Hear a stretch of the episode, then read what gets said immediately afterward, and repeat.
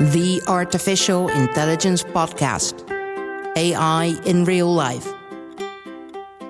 I might be feeding the Asian stereotype here, but I honestly, genuinely loved school when I was a kid. It was a place where I'd stare out the window and see my future as the inventor of a flying car, the captain of a cruise ship, or an astronaut on my way to Mars, where we'd sneak out to spy on the class with the cute boys during PE or to just hang out in the canteen with chocolate milk from the vending machine, where we'd pass notes back and forth with the latest song lyrics that reminded us of our angsty teenage lives. No texting on smartphones back then, kids. Come to think of it, there was a lot of staring out windows, sneaking out, and avoiding teachers involved. At the World Summit AI, sponsored by Microsoft, I met Derek Haoyang Lee, CEO of Shanghai based education startup Squirrel AI. For him, school time was spent playing cards. And according to him, the average child spends 90% of their time in school on other things than actually learning. My name is Liang Wang, and I'm very excited to share with you Derek's fascinating view on the future of education. Four years ago, I became to realize that AI may be a superior species than the human being. Mm-hmm. So I think, wow, that will be something uh, even the man can never match. So, what should we do with that to benefit the people or even destroy the world? Uh, so that fascinated me a lot. And also, since I have been in the education uh, industry for more than 10 years, uh, I found out that it's very hard for students to get the best teacher.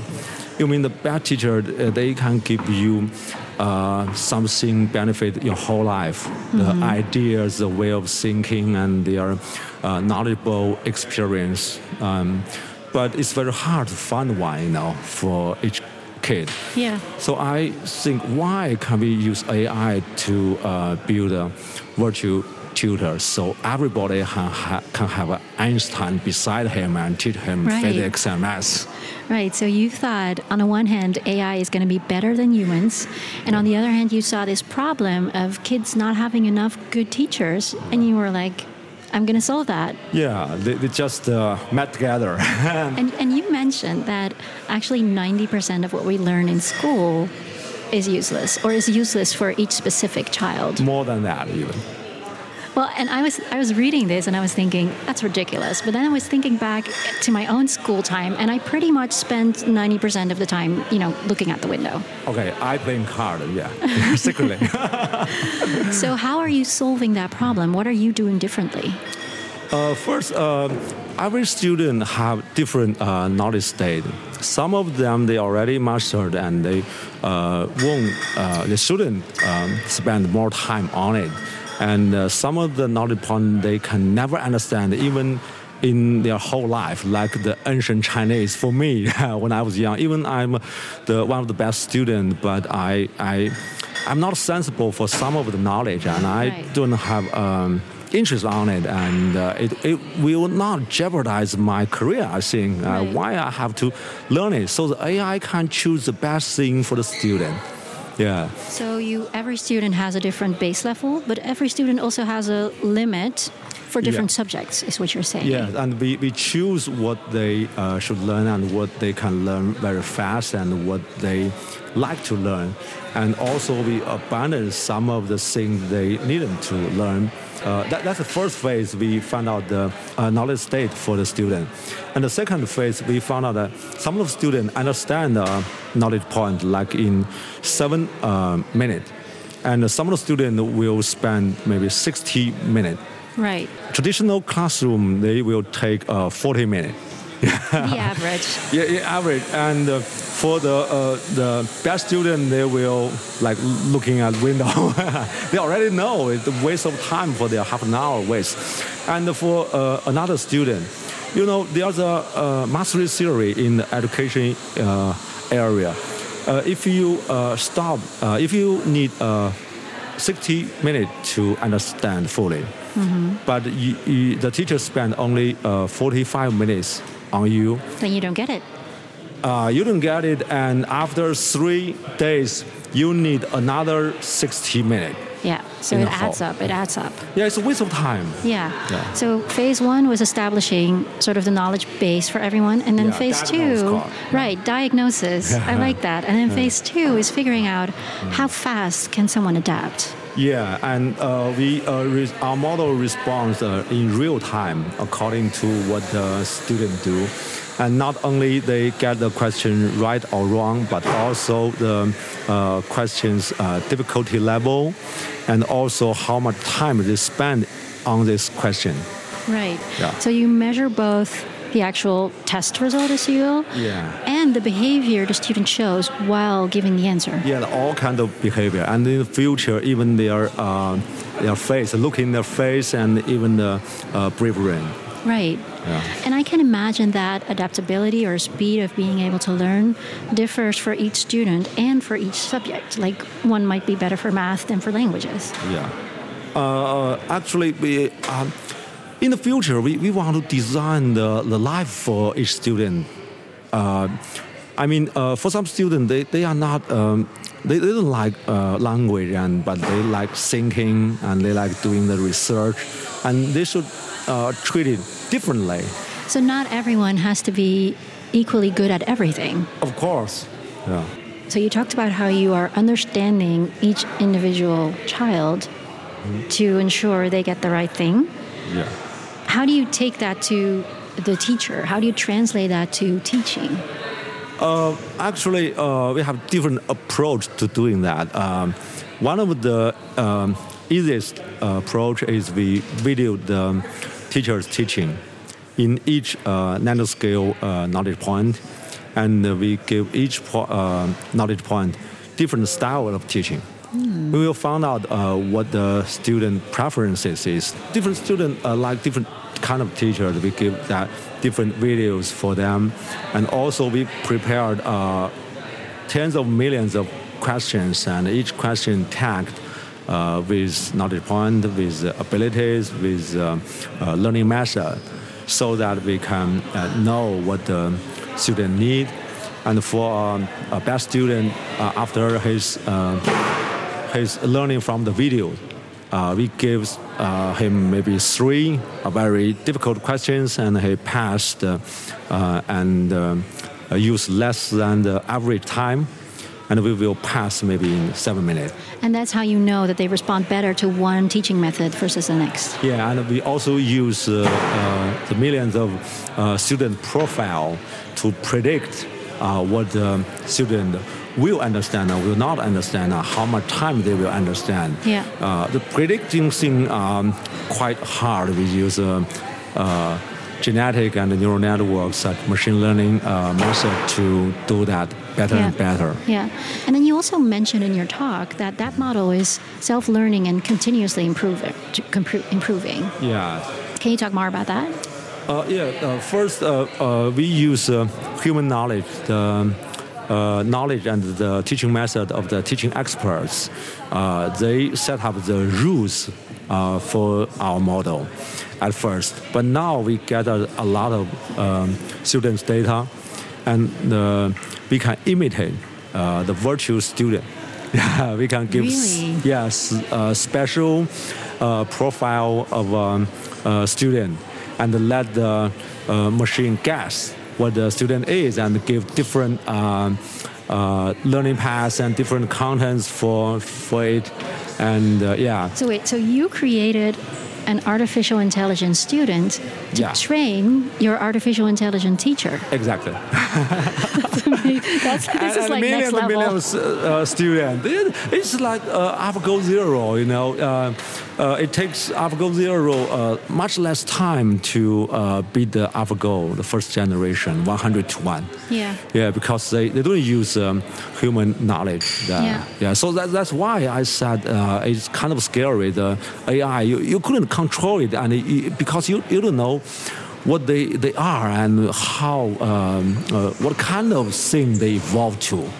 Well, that's an interesting point because to what extent do you still control or do humans still control what the right things are to teach a child? Actually, we uh, we still have a human assessment for the result of the teaching, so that we can know if the uh, machine is doing right or wrong, and we don't um, interfere with the procedure of the teaching, but we set the goal of the uh, result and outcome. Yeah. So a teaching machine will not kill people, of course. So I hope the- not. Yeah. So they, they will do just to make the teaching more efficient and more inspiring. Right. Right, but but the goal is still set, and and the success measure is still set by humans, by teachers, I suppose. Uh, yeah, uh, still by teaching experts because their their way of teaching may, may be wrong, but uh, their understanding of the education, the psychology, the cognitive uh, um, uh, knowledge that that is right. Yeah. So, and I know you're going to continue with this, and you got lots of funding, and it's a big success. But if you if this continues to move at this speed, what is teaching going to look like in three years from now? Oh, I think in three years there, there will not be um, immense change. Just uh, more and more people realize that uh, AI can do much more better than the best uh, human teachers. Uh, it's kind of like the, our opinion on the GPS. Five years ago, we think the GPS is not reliable, right? We trust the, uh, the old uh, drivers, right? But now we think GPS will outperform the, even the best drivers. So that's really interesting because we've heard a lot about on this summit also about how um, hybrid or augmented teams of a human supported by an algorithm, a human supported by a machine, is sort of where we're moving towards. We don't do that. Uh, that that means their uh, AI model are not mature. So I think, of course, AI can do much more better than, than human. Yeah, that, that's why in uh, a lot, lot of uh, technology conference, I uh, speak of the AI will take 90% of the human's job. So where do you see society going if 90% of the jobs as we know them are replaced by machines? That will not be a problem because uh, a hundred years ago uh, until now, two machines uh, replace uh, 90% of the human's job. Right, you mean industrial It's, uh, revolution and then the planter digital. and harvester. Yeah. So, so we will just have to discover what our role is in this next think, transformation. yeah, we, we, we design, uh, I think first of things, we, we design machines, uh, the AI machines, and we, I think we can spend maybe 80% of our time just uh, layering, yeah, like what they do in Holland, yeah. a lot of, uh, uh, a lot of things for the human to, to enjoy life and uh, thinking more creatively. And, but there's another thing. I, I even recently believe that uh, AI can do creative thing much better than human being. Really? Yeah. Where did you see that, for instance?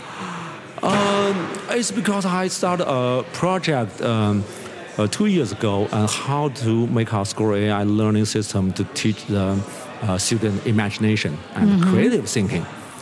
That is not possible now, but uh, recently we found a way to do that. I, I found out that when, when I was young, uh, some of the teachers I like it very much, and they can they will always ask uh, provoking questions, and uh, but most of the teachers they, they do not dare to do that because only the best teachers who are like the master of knowledge they, they can ask any questions and they can handle all the answers Right, right. Right? For other teachers, they, they're afraid of what the student may yeah, answer or may even ask more, and they, they can't an- answer it. So only if you're really above the knowledge, you can ask the provoking questions. Yeah, and uh, but for AI, one of the uh, characteristic of AI is uh, they know all the things, right? So it's by definition the smartest teacher.